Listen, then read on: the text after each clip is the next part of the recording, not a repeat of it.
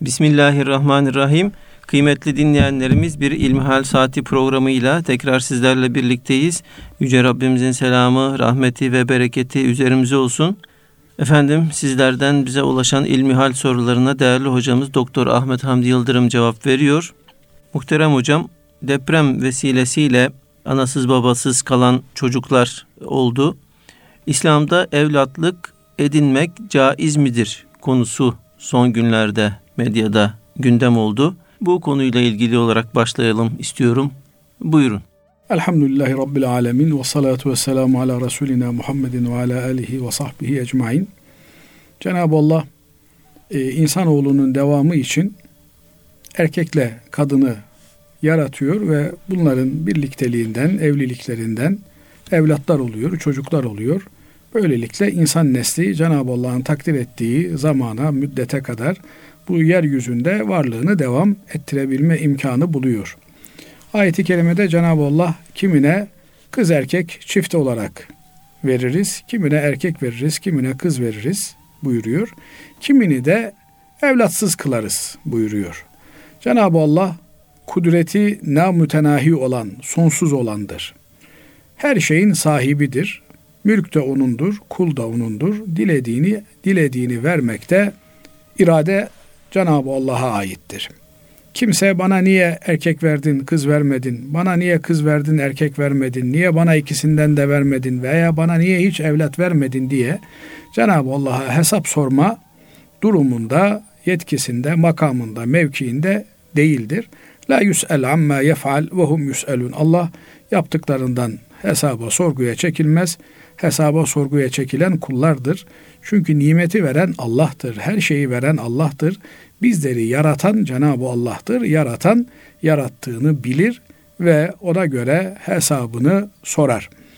Binaenaleyh Cenab-ı Allah birine evlat vermedi diye bu kimse tedavi ise tedavi cihetine gider. Bu bir ruhsat olarak nihayetinde değerlendirilir. Bu ruhsat da işe yaramaz, evlat sahibi olamazsa bir kimse bu kardeşimizin yapacağı, bu Müslümanın yapacağı şey bütün Müslümanların evlatlarını kendi evladı bilerek onların hayrına dua etmektir. Kimi kimsesi olmayan bu tür depremlerde, sellerde, yangınlarda, afetlerde hamilerini yitirmiş, bakanlarını yitirmiş olan çocuklara sahip çıkmaktır. Sahip çıkmakla evlat edinmek arasında çok önemli, köklü bir fark vardır. Evlat edinmek dediğimizde bir kimseyi yabancı olan bir çocuğu onu kendi anasının babasının kütüğünden nüfusundan kopartıp bizatihi evlat edinen kişinin kendi kütüğüne kaydettirmesidir. Bu işlemin dinimizce tasvip edilmediği Kur'an-ı Kerim'de ayetlerde çok sarih olarak ifade edilmektedir. Neden evlat edinmek müessesesi kabul edilmiyor? Öncelikle ben senin babanım, ben senin annenim diye yalan bir beyan içeriyor. Yani bir kimseye Allah çocuk vermemiş veya çocuk vermiş de hakikaten birine merhamet ediyor, acıyor. Efendim kimsesiz kalmış. Ben bunu da evladım gibi saklayayım. Benim gelirim, efendim, varlığım bu çocuğa da e, hamilik yapmaya yeter, babalık yapmaya, annelik yapmaya yeter diye kendi evlatlarının arasına katmak istiyor. Eğer bu çocuğa ben senin annenim, babanım diye annesi babası olmayan kişiler tarafından böyle bir terkinde bulunuluyorsa bu öncelikle yalan. İkinci olarak kendi öz annesinin babasını unutturmaya yönelik bir eylem oluyorsa burada da bir küfranı nimet, bir nankörlük söz konusudur. Cenab-ı Allah o insanlara bu evladı vermiş. Nice hikmetler bunun içerisine koymuştur, derc etmiştir. Onun bir annesi babası olduğu halde o anneyi babayı gizlemek, saklamak, onları yok farz etmek, onu dokuz ay karnında taşımış olan e, kadını anne olarak anılmasına mani olmak bu da büyük bir yalancılıktır. Bu da büyük bir entrikadır. Bunu ne ahlak ne din ne de vicdan sahibi olan bir kimse tasvip edebilir. Fakat ortada kalmış olan kimi kimsesi olmayan bakıma muhtaç olan çocukları e kimse sahip çıkmasın mı? Bu da asla düşünülemeyecek olan bir şeydir.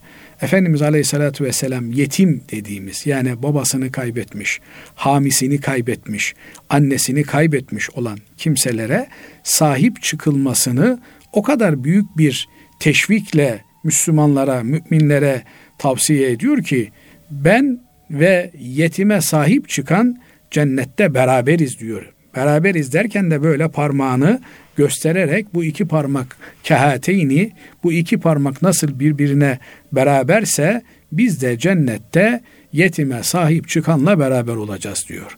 Dolayısıyla ameline bakılmaksızın elbette Müslüman olması, mümin olması gerekti. Hazreti Peygamber aleyhissalatü vesselam Efendimiz de cennette bir birliktelik oluşabilmesi için bir kimsenin standart bir Müslüman ölçülerinde olması gerekir. Ama onun ötesinde ameline bakılmaksızın peygamberle cennette birliktelik kazanabilecek derecede büyük bir amel olarak kimsesiz olan, yetim olan, himayeye muhtaç olan bir çocuğa sahip çıkılmasını Hz. Peygamber aleyhissalatü vesselam Efendimiz teşvik ediyor. Dolayısıyla bunu yaparken kurallarına uygun olarak yapmak lazım. Efendimiz Aleyhisselatü Vesselam'ın sünnetinde gördüğümüz şekliyle bunu yapmak lazım. Birincisi olmazsa olmaz şart bu çocuğun anne babasını o çocuğun zihninden kazımamak, unutturmamaktır. Evladım senin annen filancadır, baban filandır. Sen böyle bir ailenin çocuğu idin. Baban öldü, annen öldü. Elbette bu çocuğa 2-3 yaşında anlatılabilecek bir şey değil.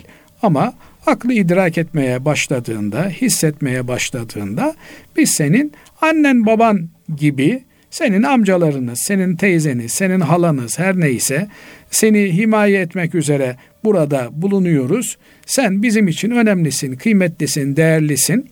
Ama senin de bir annen vardı, senin de bir baban vardı diye öncelikli olarak onu babasının adıyla, annesinin adıyla anmak gerekiyor. Yani işte e, Ahmet'in oğlu, Basri'nin oğlu, Basri'nin kızı, Ümmühan'ın oğlu, efendim Fatma'nın kızı diye annesinin babasının adıyla anmak gerekiyor.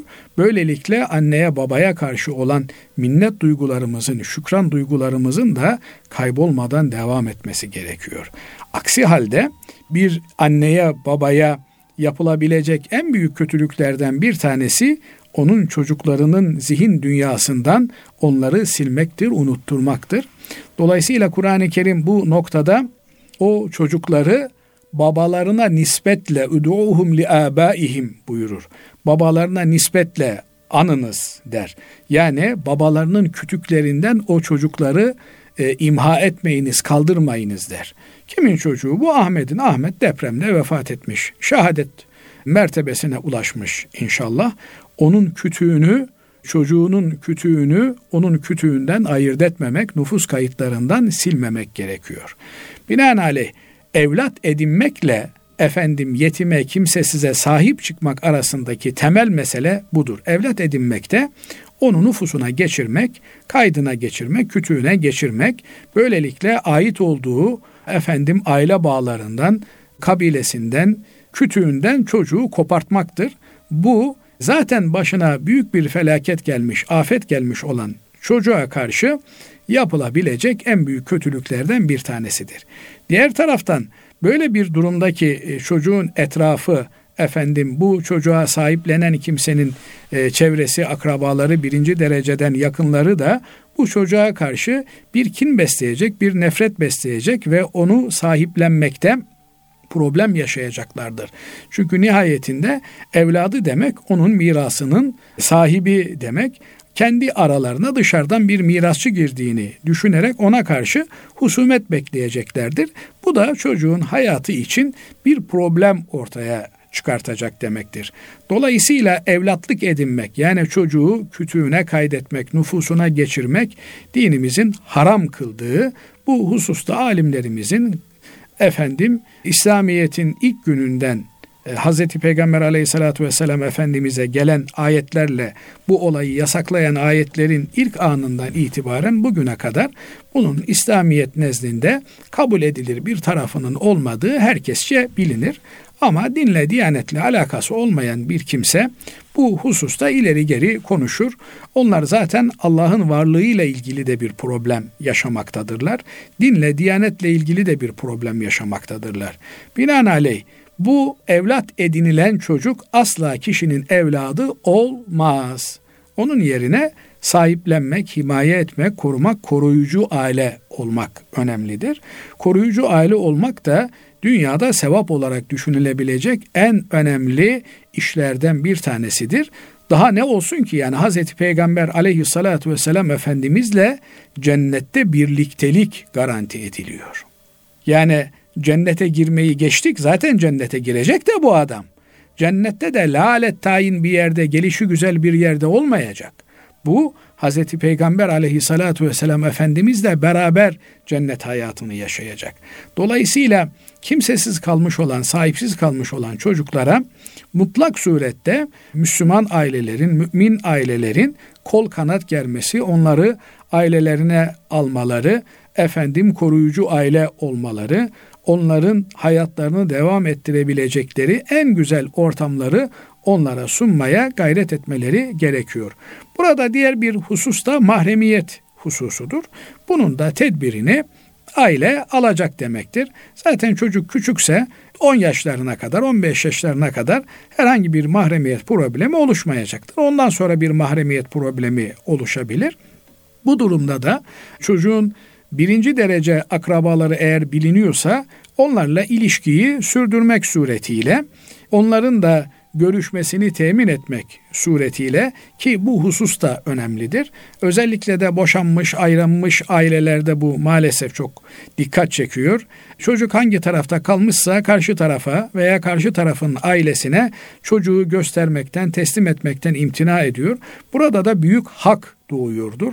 Allah muhafaza etsin. Günah sadece birini öldürmek değildir. Her türlü hak gaspı, hak tecavüzü Cenab-ı Allah katında günah olarak değerlendirilir ve kıyamet günü bunun hesabı çok acı bir şekilde sorulur.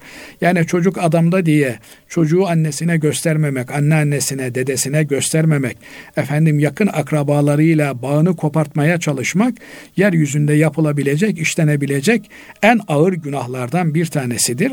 Allah muhafaza eylesin.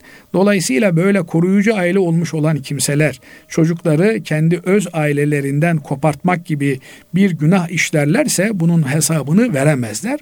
Onlarla beraber ama bazı çocuklar vardır ki hakikaten kimi kimsesi yoktur. Yani ailesi bilinmiyordur. O, o güne kadar tespit edilememiştir. Bu hakikati de o çocukla zamanı geldiğinde paylaşmak suretiyle o çocuğun bu hakikatten haberdar olmasını temin etmek gerekir. Cenab-ı Allah her imtihanda bilmediğimiz, bilemeyeceğimiz nice hikmetler barındırır. Dolayısıyla böyle koruyucu aile olma noktasında, kimsesizlere sahip çıkma noktasında her Müslümanın ayrı bir heyecan duyması ve bu vazifeyi ben üstleneceğim diye ileriye atılması gerekir. Ondan sonra bir takım teferruatları, detayları da efendim ilgili hoca efendilerle oturarak, konuşarak biz bu meselede daha doğru nasıl davranabiliriz, nasıl bir adım atabiliriz? Eğer birinin efendim kız çocukları varsa kız çocuğu bir kimsesizi yetim kalmışı sahiplenmesi daha doğrudur. Erkek çocukları varsa erkek çocuğunu sahiplenmesi daha doğrudur. Efendim böylelikle herkes kendi aile yapısına uygun olan bir vaziyeti elbette tercih etmeli ve bu sevaba ortak olmaya çalışmalıdır. Buradan hareketle evlatlığı evlat gibi görüp de insanın kendi evladına yaptığı muamelelere eş muamele yapması burada hukukun çiğnenmesi anlamına gelir. Biliyorsunuz dünya hukuku dünya hayatı için geçerlidir. Nihayetinde e, Kur'an-ı Kerim'de Musa Aleyhisselam'la Firavun'un sihirbazlarının bir karşılaşmasından bahsedilir. Musa Aleyhisselam döneminin en zirve hüneri olan e, sihirbazlara karşı, sihire karşı Allah'ın kendisine verdiği mucizeleri gösterir. Sihirbazlar bunun bir sihir olmadığını, mucize olduğunu görünce iman ederler. Firavun ise siz bana karşı bir düzen kurdunuz, komplo kurdunuz der ve size çok ağır işkenceler edeceğim diye tehdit eder. O sihirbazlar biz Musa ile Harun'un Rabbine iman ettik derler ve senin ancak bu dünyada hükmün geçer. Dolayısıyla her türlü beşeri sistemin hükmü bu dünyada geçer. Ölünceye kadar geçer. Ama biz inanıyoruz ki öldükten sonra ahiret denilen bir hayat başlayacak ve o hayatta da Allah'a hesap vereceğiz öncelikli olarak. Binaenaleyh her Müslüman kendini Allah'a vereceği hesaba göre ayarlamalıdır. Birileri Müslümanları efendim ikilem arasında bırakmaya çalışabilirler. Müslüman için tercih ahiret hayatıdır. Ahiret hayatında Allah'a vereceği hesaptır. Kainatın, evrenin, her şeyin yaratıcısı olan Allah'ın hesabı Müslüman için önemlidir. Binaenaleyh orada hesap verme düşüncesiyle hareket etmek lazım. Çocuklara analarını babalarını unutturmak, akrabalarını unutturmak, onların kütüklerini imha etmek onlara yapılabilecek en büyük haksızlıktır. Bunlar muhafaza edilmek suretiyle onları himaye etmek ise onlara yapılabilecek en güzel işlerden ve dünyada övünülebilecek en sevaplı amellerdendir. Cenab-ı Allah hepimize böyle ufuklar nasip eylesin. Allah razı olsun değerli hocam. Tabii bu konu çok önemli. Böyle savaş anlarında ve büyük afetlerde daha çok gündeme geliyor ve maalesef toplumumuzun büyük bir kısmı da bu konuda yeteri bilgiye sahip değildi. Hakikaten açıklayıcı oldu. Efendim şimdi bir gencin sorularına ben geçmek istiyorum. Birkaç soru bize göndermiş değerli hocam. İlk sorusu şöyle. Kur'an-ı Kerim'de tatlı ve tuzlu suyun birbirine karışmaması ile ilgili ayet için bunu Yunanlı balıkçılar bile o tarihten önce biliyorlardı ve ayrıca Sümer tabletlerinde de bu kimya olayı anlatılıyor diyor bazı ateistler. Acaba bu mucize midir yoksa bir hata mıdır sizden öğrenmek istiyorum. Ee, bir defa soru yanlış. Bu bir mucize midir, bir hata mıdır? Şekli yanlış. Mucize nedir? Mucize olan tarafı şudur. Cenab-ı Allah bunu azametinin bir delaleti olarak bildiriyor. Yani Cenab-ı Allah gökleri yaratan, göklerin yaratıldığı varlığı herkes tarafından biliniyor. Şimdi gökleri yaratanın Allah olduğunu söylemek mucize midir, hata mıdır haşa? Dolayısıyla Cenab-ı Allah diyor ki Maracel Bahrayni iki e, deniz birbirine e, kavuşur ama biri diğerine taşmaz diyor.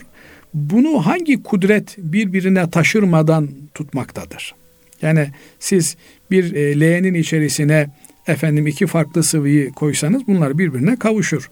Ama biri tatlı, biri tuzlu, iki su e, bir yerde kavuşuyorlar ve aralarında sanki bir set varmış gibi bunlar birbirlerine efendim aşmıyorlar, taşmıyorlar. Dolayısıyla bunu Yunanlı biliyordu, Ahmet biliyordu, Mehmet biliyordu, efendim Hipokrat biliyordu, Aristo biliyordu. E, bilsin zaten bilinmeyen bir şeyi söylemiyor ki Cenab-ı Allah. Bunu e, kainatta tasarruf sahibinin Cenab-ı Allah olduğunu ifade etmek üzere söylüyor. Şimdi Cenab-ı Allah yine gökleri ve yerleri yarattık diyor. E gökleri ve yerleri Allah'ın yarattığını biliyorduk biz. E biliyordun ama e sen yarat hadi bakalım. İşte bütün mesele bu. Kainatta kimin sözü geçerli? Evrende kimin kuralları geçerli? Ama bu kardeşimiz şunu sormuş olsaydı efendim işte bu iki denizi birbirine taşırılmaması meselesini Yunanlı balıkçılar da denizin filan yerinde efendim Akdeniz'de Karadeniz'i birbirine karıştırmıyorlar. Bunlar bir leğenin içerisine de iki farklı sıvıyı koyuyorlar. Birbirlerine bu sıvılar bulaşmıyor. Bunu Yunanlılar da yapıyor türünden. Bir iddia ile ortaya çıkmış olsaydı bunun bir anlamı olurdu. Yoksa Cenab-ı Allah var ettiği bir şeyi kudretine delalet etmesi üzerine zikrediyor. Nitekim İbrahim Aleyhisselam da Nemrut'la cidalleştiğinde, diyaloğa girdiğinde Nemrut'a diyor ki Rabbim diyor öldüren ve diriltendir. Nemrut da ona iki tane adamı çağırıyor. Bir tanesini öldürüyor kölelerinden. Diğerine ise senin hayatını bağışladım diyor.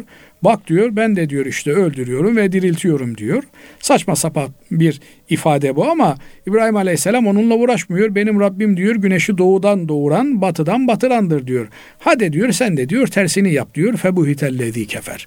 Kafir şaşıp kalıyor, cevap veremez hale geliyor. Dolayısıyla Cenab-ı Allah'ın güneşi doğudan doğdurması, batıdan batırması, e bunu herkes biliyor, Araplar da biliyor, Nemrut da biliyordu. böyle bir hadisenin olduğunu e bunun ne tarafı mucize? İşte bunu Allah yapıyor. Sen yapabiliyor musun? Sen aksini yapmaya güç ve kuvvet sahibi misin? Değilsin. O zaman bu gücün karşısında sana düşen kul olmaktır. Onun emirlerine itaat etmektir. Binaenaleyh buradaki mesele bu. Diğer bir mesele de hadi e, bunun bilgisini Cenab-ı Allah Araplara veriyor. Yani hadi Yunanlı balıkçı biliyordu da Araplar bilmiyordu. Nereden öğrendi bunu peygamber? Acaba peygamberin Yunanlı balıkçılarla çocukluğunda bir görüşmesi mi vardı? Acaba telefonu mu icat etmişti de telefonla mı görüşüyordu?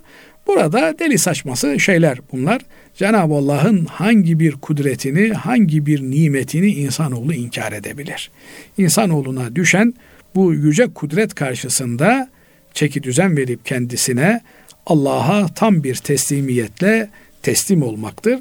Nitekim İslamiyet'te teslim olmak demektir. Efendimiz Aleyhisselatü Vesselam çevredeki krallara, meliklere mektuplar yazarken eslim, teslem diyordu. Müslüman ol, kurtulursun. Her türlü kötülükten, her türlü sıkıntıdan kendini de çevrendekileri de kurtarmış olursun diyordu. Binaenaleyh insana düşen Cenab-ı Allah'ın sonsuz kudreti karşısında acziyetini itiraf edip kul olmanın şerefini, tadını, lezzetini hissetmektir. Allah razı olsun değerli hocam. Kıymetli dinleyenlerimiz şimdi kısa bir araya gidiyoruz. Aradan sonra kaldığımız yerden devam edeceğiz. Huzur bulacağınız ve huzurla dinleyeceğiniz bir frekans. Erkam Radyo, Kalbin Sesi. Kıymetli dinleyenlerimiz İlmihal Saati programımıza kaldığımız yerden devam ediyoruz. Değerli hocam bir genç arkadaşımızın sorularıyla sorularına başlamıştık. Şimdi ikinci sorusu şöyle. Kur'an'da köle, esir kadınlarla evlenme caiz gibi şeyler diyorlar. Bunu açıklar mısınız? Şimdi kölelik hukuku İslamiyet geldiğinde Arap Yarımadası'nda da dünyada da cari olan, var olan bir hukuk olarak bulunuyordu. Binaenaleyh burada belki kölelikle ilgili sorulacak sorulardan bir tanesi İslamiyet köleliği niye geldiği gibi yekten kaldırmadı? Çünkü biliyorsunuz İslamiyet geldiği yerlerdeki geleneklere, göreneklere, oranın hukuk düzenine e, karşı şu üç yaklaşımdan biriyle yaklaşıyor. Mekke-i Mükerreme'de Hazreti Peygamber aleyhissalatü vesselam Efendimiz'e peygamberlik geldiğinde Efendimiz aleyhissalatü vesselam Mekke-i Mükerreme'deki mevcut adet, gelenek, görenek, hukuk düzenine karşı bazı uygulamaları olduğu gibi bırakır. Bazı uygulamaları değiştirerek, düzelterek kabul eder. Bazı uygulamaları da tümden reddeder. Nitekim Efendimiz Aleyhisselatü Vesselam'ın uygulamalarına baktığımızda İslamiyet'in bu üç noktada bazen e, tamamen ilga edici, bazen düzenleyici, bazen de olduğu gibi ipka edici, olduğu gibi bırakıcı hükümler getirdiğini görüyoruz. Mesela dinimizin kaldırdığı uygulamalardan bir tanesi de Arap toplumunda da bugün işte Batı toplumunda olduğu gibi evlatlık edinme müessesesi vardı. Yabancı bir çocuğu kendi çocuğuymuş gibi nüfusuna geçirme. Bundan sonra bu benim oğlumdur, benim oğlumun, benim çocuğumun sahip olduğu her şeye, her türlü imtiyaza veya göreve, vazifeye bu da sahiptir türünden bir uygulama vardı. İslamiyet'in ilk dönemlerinde bu bir yönüyle müdahale edilmemişse de sonra Cenab-ı Allah ayetler gönderdi ve bunu tamamen kaldırdı. Yine aile hukukuna ilişkin ayrılma yollarından bir takım yollar vardı. Bunları kaldırdı. Bunun yerine boşanmayı bir ayrılma biçimi olarak Cenab-ı Allah o günkü toplumda da mevcut olan haliyle ipka etti. Hasılı kelam bunların olduğunu görüyoruz.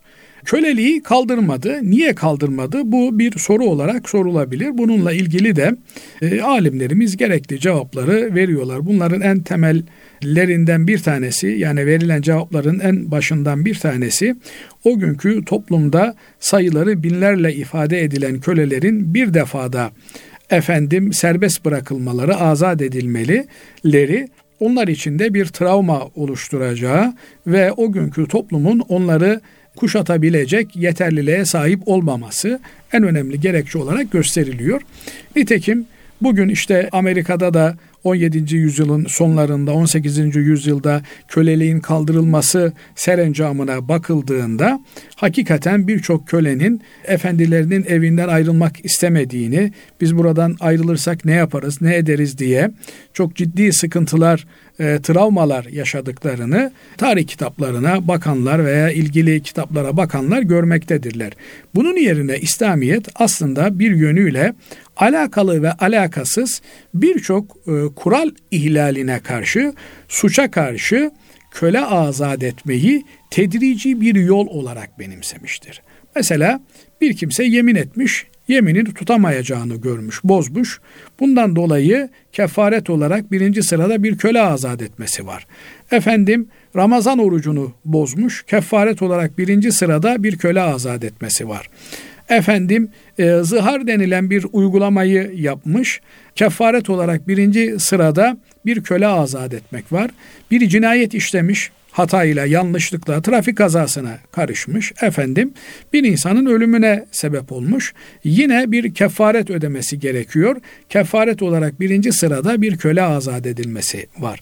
Dolayısıyla e, toplum içerisinde bu tür kural ihlallerinin veya suçlu pozisyona düşme durumlarının sıklıkla görülebileceğini düşündüğünüzde hemen hemen her gün toplumda onlarca insanın, kölenin azat edildiğini görebilirsiniz. Diğer taraftan Hazreti Peygamber aleyhissalatü vesselam Efendimiz köle azat etmenin en büyük sevaplardan biri olduğunu ifade ederek de varlıklı Müslümanların köle azat etmesinin önünü açmış ve bunu teşvik etmiştir.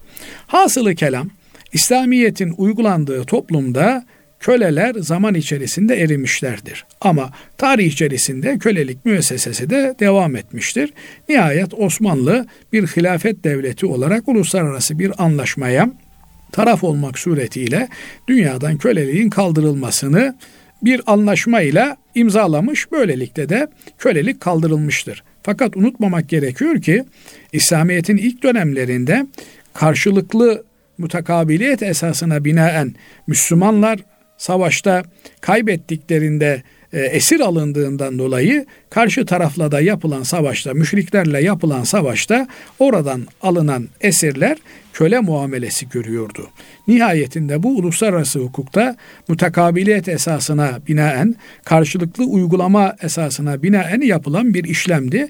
Ne zaman bütün dünya buna bir noktaya gelerek artık bir son verelim dedi.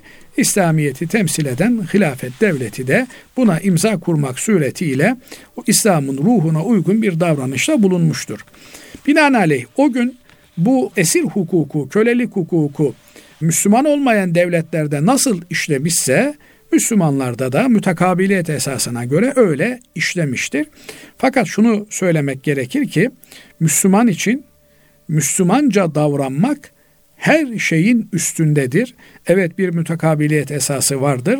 Fakat onlar bizden aldıkları esirleri köle olarak kullandıklarında vahşetin, zulmün her türlüsünü icra ederken biz savaşlar neticesinde müşriklerden aldığımız kölelere İslamiyet'in güzelliğini izhar etmişiz ve o kölelere ailenin bir ferdi muamelesi yapmışız. Düşünebiliyor musunuz? Köle sahibi olmak bir yükümlülük getiriyor. Yani siz yediğinizden yedireceksiniz, içtiğinizden içireceksiniz, giydiğinizden giydireceksiniz. Batı'da köleliğin sonlandırılması kölelere olan merhametlerinden dolayı yapılmış bir şey değildi. Onlar çok iyi matematik bildiklerinden, ekonomi bildiklerinden baktılar, hesapladılar. Kendi kendilerine dediler ki köleleri evlerimizde barındırmamız daha büyük maliyetlere yol açıyor. Oysa onları serbest bırakır. Eğer hürriyetlerine kavuşturursak onları ucuz iş gücü olarak kullanırız. Böylelikle biz maliyetimizi çok daha basit oranlara düşürmüş oluruz. Nitekim bununla ilgili de zaman zaman böyle toplumda sosyal medyada yapılan skeçlerden görüyoruz. İşte geçen de öyle bir WhatsApp gruplarında paylaşıldı. Önce köle olarak çalışmayacaklarını, köleliğe isyan ettiklerini söyleyenler bir müddet sonra baktılar ki kapitalist dünyada, emperyalist dünyada işçi olmanın aslında kölelikten daha ağır bir yük olduğunu gördüler. Binaenaleyh olayı derinlemesine bilmeden, incelemeden olayı tek boyutlu olarak veya Batı emperyalist kaynaklarının efendim karalayıcı iftiralarından okuyarak bu tür soruları ortaya atan kardeşlerimiz şunu net olarak bilmeliler ki dünyada Müslümanlıktan başka dünyayı kurtarabilecek bir sistem yoktur. Bu sistem bugün maalesef bazı Müslümanların yanlış uygulamaları sebebiyle karalanamayacak kadar büyük bir sistemdir. Yeter ki namuslu ve dürüst bir şekilde araştırılsın, öğrenilmeye gayret gösterilsin. Evet, Allah razı olsun hocam. Efendim şimdi üçüncü sorusu bu değerli kardeşimizin şöyle. Hazreti Ömer radıyallahu anh kızını gömmüş yani cahiliye devrinde ve nasıl bu cani ateist deyimiyle diyor cani cennete gidiyor. Yani her türlü kötülüğü yapıp Müslümanım diyen biri cennete nasıl girecek? Çok iyi olup da Allah'a inanmıyor diye cehenneme giden insanlar neden olacak? Açıklar mısınız diyor. Aslında bu çok basit bir mesele. Önce şunu söyleyeyim ki Hazreti Ömer Efendimizin cahiliye döneminde çocuğunu diri diri toprağa gömdüğüne dair bir rivayet yok. Sağlam bir rivayet yok. Dedikodular var. Mış diyor arkadaş zaten. Öldürmüş diyor. Mışlarla muşlarla bu işler olmuyor, yürümüyor. Böyle bir takım iddialar, karalamalar dile getirilse de bunlar bilimsel olarak ispatlanmadığı sürece bir değer ifade etmiyor. Ama cahiliye döneminde Hazreti Ömer'i bir kenara bırakalım. Belki Hazreti Ömer, belki de başka biri. Cahiliye döneminde çocuklarını diri diri toprağa gömenler olmuş mu? Olmuş. Nitekim Kur'an-ı Kerim bunu ifade ediyor. Fakat şöyle bir şey var. Yani bir insan bir suç işlemiş. E bu insanı ne yapmak lazım? Yani suç işleyen bir insan artık tekrar normal hayata dönemez mi? Günah işlemiş olan bir kimse en büyük günah dahi olsa dünyada tahammül, tahayyül edilemeyecek derecede bir vahşeti dahi işlemiş olsa bu kimsenin artık tövbe etmesi, normalleşmesi mümkün değil mi? Eğer mümkün değil derseniz o zaman siz canileri, vahşileri daha vahşi olmaya, daha cani olmaya itiyorsunuz demektir. Oysa İslamiyet temel bir prensip getirmiştir. O da diyor ki İslam kendisinden önce yapılan her şeyi imha eder. Müslüman olan bir kimse yeniden doğmuş gibi olur. Artık Müslüman olmadan önce işlediği her türlü günah onun üzerinden düşer. Yeni bir hayata başlamış olur. Bu Cenab-ı Allah'ın insanların tekrar tekrar hayata, gerçek hayata, İslam'a tutunabilmeleri için vermiş olduğu muazzam bir müjdedir. Olaya bu yönüyle bakıldığında aslında bunun ne kadar büyük bir olay olduğu görülebilir. Sonra yani kardeşimiz diyor ki yani adam şöyle günah işlemiş, böyle günah işlemiş. Bu adam nasıl cennete gider? E cennet bizim olsa biz kimseyi cennete koymayız. Ama cennet bizim değil.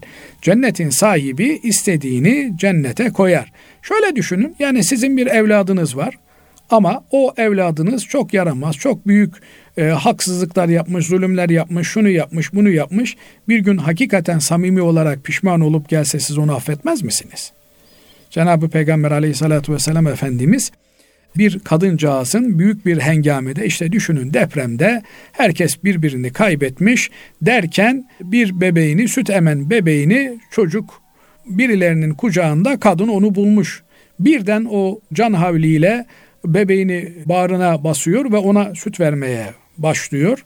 O hadiseyi Efendimiz Aleyhisselatü Vesselam tasvir ettikten sonra diyor ki bu kadının çocuğunu ateşe atacağını düşünebilir misiniz diyor.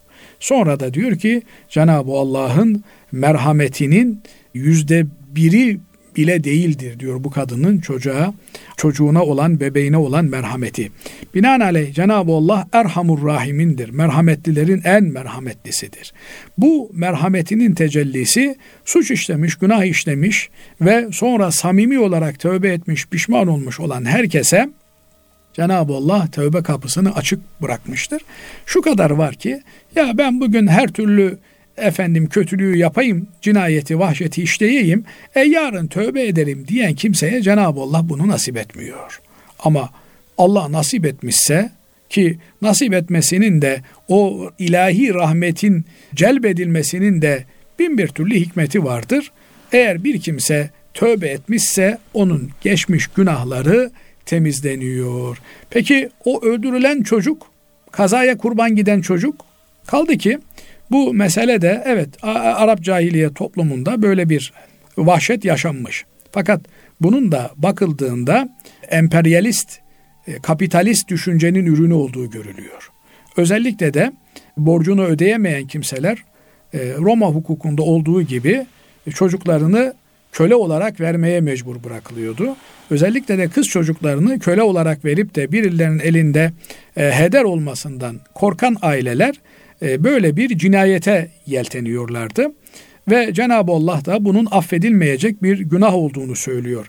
Fakat tövbe edilmediğinde affedilmeyen, tövbe edildiğinde Cenab-ı Allah her türlü günahı tövbe şartıyla affeder. Buna kimsenin de ya Rabbi onu yapmış bunu yapmış sen bunu nasıl affedersin? Mal sahibi, mülk sahibi Allah'tır. Cenab-ı Allah dilediğine dilediğini verir. Diğer taraftan diyor ki adam Allah'a iman etmiyor diye çok iyi adam, çok melek gibi adam. Ona niye Cenab-ı Allah cenneti vermiyor? E çok basit. Yani bu kardeşimiz eğer bir işçisi başka birinin fabrikasında çalışıyorsa, çok basit bir örnek. Bir işveren işe birini almış, ayda 20 bin lira maaş veriyor, adam işe gelmiyor hiç. Ama çok iyi bir insan, gitmiş başkasının fabrikasında çalışıyor, çok iyilikler yapıyor. Acaba kendi fabrikasında çalışmayan bir işçiye patron maaş öder mi? Ödemez. Niye ödemiyor? Çok iyi bir insan. Başkasının fabrikasında gece gündüz bedava çalışıyor. Bana ne der kardeşim yani kimin fabrikasında çalışıyorsan git ecrini, mükafatını, ücretini, maaşını ondan al. E şimdi bir adam Allah'ı Rab olarak tanımıyor. Ya Rabbi sen benim Rabbimsin demiyor. Ama insanlara çok iyilik yapıyor. E insanlardan iyiliğinin karşılığını beklesin. Biz demiyoruz ki insanlar kendilerine iyilik yapan birine iyilik yapmasınlar. Adam çok iyi bir insan sana su vermiş. Sen teşekkür et. Parasını ver. O sana 3 lira vermişse sen 300 lira ver. Ama suyu sana veriyor. Mükafatı Allah'tan bekliyor. Şimdi mesela çok şeydir Edison'u örnek verirler. Ya Edison ampulü bulmuş sanki babasının hayrına bulmuş. Yani ampulü bulmuş adam servetine servet katmış. İnsanların bak işte dünyasını aydınlatıyor. Tamam. Allah'a yaptığı bir şey var mı bunun? İnsanlar mükafatını vermişler işte yani servet ödemişler Edison'a. E hala bu e, işte ampulü üretenler babasının hayrına kimse kimseye ampul vermiyor. Parayı verirsen veriyor. E şimdi Edison'un Allah'a yaptığı ne fayda var? Dolayısıyla yani olayları doğru yerden değerlendirmek lazım. Allah kulundan bir fayda da beklemiyor. Zaten Allah'a bir fayda sağlamamız da mümkün değil. Ama Allah bizden ona iman etmemiz ve gönderdiği peygambere ve o peygambere verdiği kitaba iman etmemizi bizden bekliyor. Bu iman olmadıktan sonra şöyle iyiymiş, böyle iyiymiş bunun bir faydası yok. Hocam zannedersen buradaki sorun şu yani Müslümanın Müslümanca yaşamaması neticesinde yani şöyle diyorlar tepki gösteriyorlar. Yani Müslümanım diyor ama her türlü çirkefliği yapıyor. Sonunda siz hocalar da işte bu cennete gidecek diyorsunuz. Öbür tarafta da yani Müslüman değil ama çok güzel işler yapıyor. Ona da cehenneme gidecek diyorsunuz. Evet öyle diyoruz. Diyorlar. Yani burada Müslümanın güzel Müslüman olması lazım. Müslümanın güzel Müslüman olması lazım ama hatasız kimse olmaz. Tabii. Dolayısıyla herkes kendisini güzel, gayrını kötü olarak görür. Eğer bir kimse kötüyse hep kötüler onun gözüne görünür. Onun için Hazreti Peygamber Efendimiz diyor ki mümin müminin aynasıdır. İnsan karşısındakini kendi ölçüleriyle değerlendirir. Binaenaleyh hep birinin gözüne kötülükler batıyorsa o kendini bir kolaçan etsin demek. Bu dünyada hiç iyi insan yok mu? Hiç iyi Müslümanla karşılaşamıyor mu bir adam? Ama sen bulunduğun yerde o kötülüğün içerisine iyi bir Müslümanın gelmesini bekliyorsan kusura bakmayacaksın. Sen de biraz teşebbüs edeceksin. İyi Müslümanların olduğu yere doğru bir adım atacaksın. Bu işin şeyi uzar. Evet. Fakat şunu bilmek gerekiyor ki kim kime kulluk yapmışsa mükafatını ondan alacaktır. Şimdi mesela e, diyelim ki bir yabancı ülke casusu bizim ülkemize zarar veriyor. Bizim ülkemiz o adama ceza uygular mı? Uygular tespit ettiğinde. Hiç der mi ya kardeşim kendi ülkesine çok büyük menfaatleri olmuş bunun. Muazzam faydaları var. Der mi? Demez. Demez. Dolayısıyla yani bir adam çok iyi bir insan ama bana kötülüğü dokunuyor. Beni tanımıyor. Ben onu tanır mıyım? Tanımam. Bu basit misaller üzerinden bile olay anlaşılabilir. Dolayısıyla Allah ben diyor sizi sadece ve sadece bana ibadet için, kulluk için yarattım. Ben size kalkın atom bombasını bulun, şunu bulun, bunu bulun demedim diyor. Önce kul olacaksın. Hatta peygamberlikten bile önce geliyor kulluk. Ne diyoruz? Eşhedü en la ilahe illallah ve eşhedü enne Muhammeden abduhu ve rasuluhu diyoruz. Binaenaleyh kul olmadıktan sonra bir adam şöyle faydalıymış. Bunlar boş ezberler. Evet. Şimdi diğer bir sorusu Kur'an'da Rum suresinde en alçak yerde denilen kısım neden en yakın yerde diye çevrildi meallerde ve Hazreti Muhammed'den sonra bitmiş bir savaşın ve olayların Kur'an'a eklenmediğini nasıl kanıtlarız açıklar mısınız diyor. Aslında bu kardeşimiz yani bazı şeyleri keşke okusa da nedir Rum suresinin bahsettiği olay? Efendimiz Aleyhisselatü Vesselam Mekke'de Mekkeli müşriklerle e, mücadele ederken onlara tevhid dinini anlatırken bir savaş oluyor. Perslerle Romalılar arasında, Bizanslılar arasında bir savaş oluyor. Bu savaşta putperest olan Perslerle ehli kitap olan Romalılar savaş yapıyor ve savaşta müşrikler, Persler galip geliyor. Bundan seviniyorlar Mekkeli müşrikler. Yani bak bunlar da bizim gibi müşrik bunlar galip geldiler diyorlar. Müslümanlar da e, bundan rahatsız oluyorlar. Cenab-ı Allah müjdeliyor diyor ki çok yakın bir zamanda diyor yer ve zaman vererek bakın bu muazzam bir hadisedir.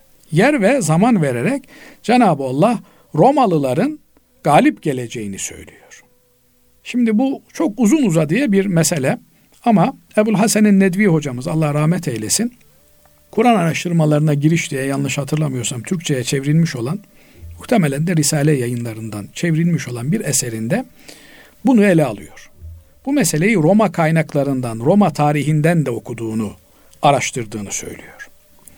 Ve çok enteresan şeyler ortaya koyuyor. Yani bu muazzam bir e, mucize bu. Yani Cenab-ı Allah zaman ve tarih veriyor. Diyor ki Arap Yarımadası'na en yakın yer. Fi ednel ardı ki edna kelimesi Arapçada iki anlama geliyor. Hem yakın hem de çukur anlamına geliyor. Daha sonra onun ikinci anlamı da bir mucize olarak karşımıza çıkıyor. Yani yeryüzünün en çukur noktası orası. Yani deniz seviyesinin en aşağı noktası orası. Bunu da işte 1970'li 60'lı yıllarda keşfediyorlar. Ama bunu 15 asır önce haber veriyor Cenab-ı Allah Kur'an'ında. Oranın yeryüzünün en çukur noktası oldu. Lut gölünün olduğu yer. Kaldı ki 3 ila 9 sene arasında bu olayın olacağını söylüyor. Yani tarih de veriyor öyle uzun uzadıya değil. Nitekim e, süre dolmadan bir savaş oluyor ki o savaş başlı başına bir olaydır. Yani nasıl oluyor da Romalılar birden böyle bir savaş heyecanı içerisine giriyorlar. Savaşı yapıyorlar. Perslileri mağlup ediyorlar. Ondan sonra tekrar eski hallerine dönüyorlar. Binaenaleyh bu büyük bir mucizedir. Bu peygamber efendimizden sonra olmuş bir olay değil. Peygamber efendimiz hayattayken olan bir olaydır ve muazzam bir mucize yönü vardır bunun. Düşünebiliyor musunuz? Eğer bu savaş olmasaydı, yani 9 seneye kadar böyle bir savaş olup da Rumlar galip gelmeseydi, Romalılar, o zaman herkes derdi ki ya işte Muhammed'e gelen kitap yalan söylüyor. Bu bile başlı başına hem yer hem de zaman açısından tutarlı olduğu için iman etmeye sebeptir. Ama bu kardeşimiz olayı peygamberden sonra bir olay olarak tasavvur edince maalesef böyle bir soru ortaya çıkıyor. Evet. Peki hocam Allah razı olsun. Teşekkür ederiz. Değerli dinleyenlerimiz bugünkü İlmihal Saati programımızın böylece sonuna ermiş bulunuyoruz. Efendim hepinizi Allah'a emanet ediyoruz. Hoşçakalın.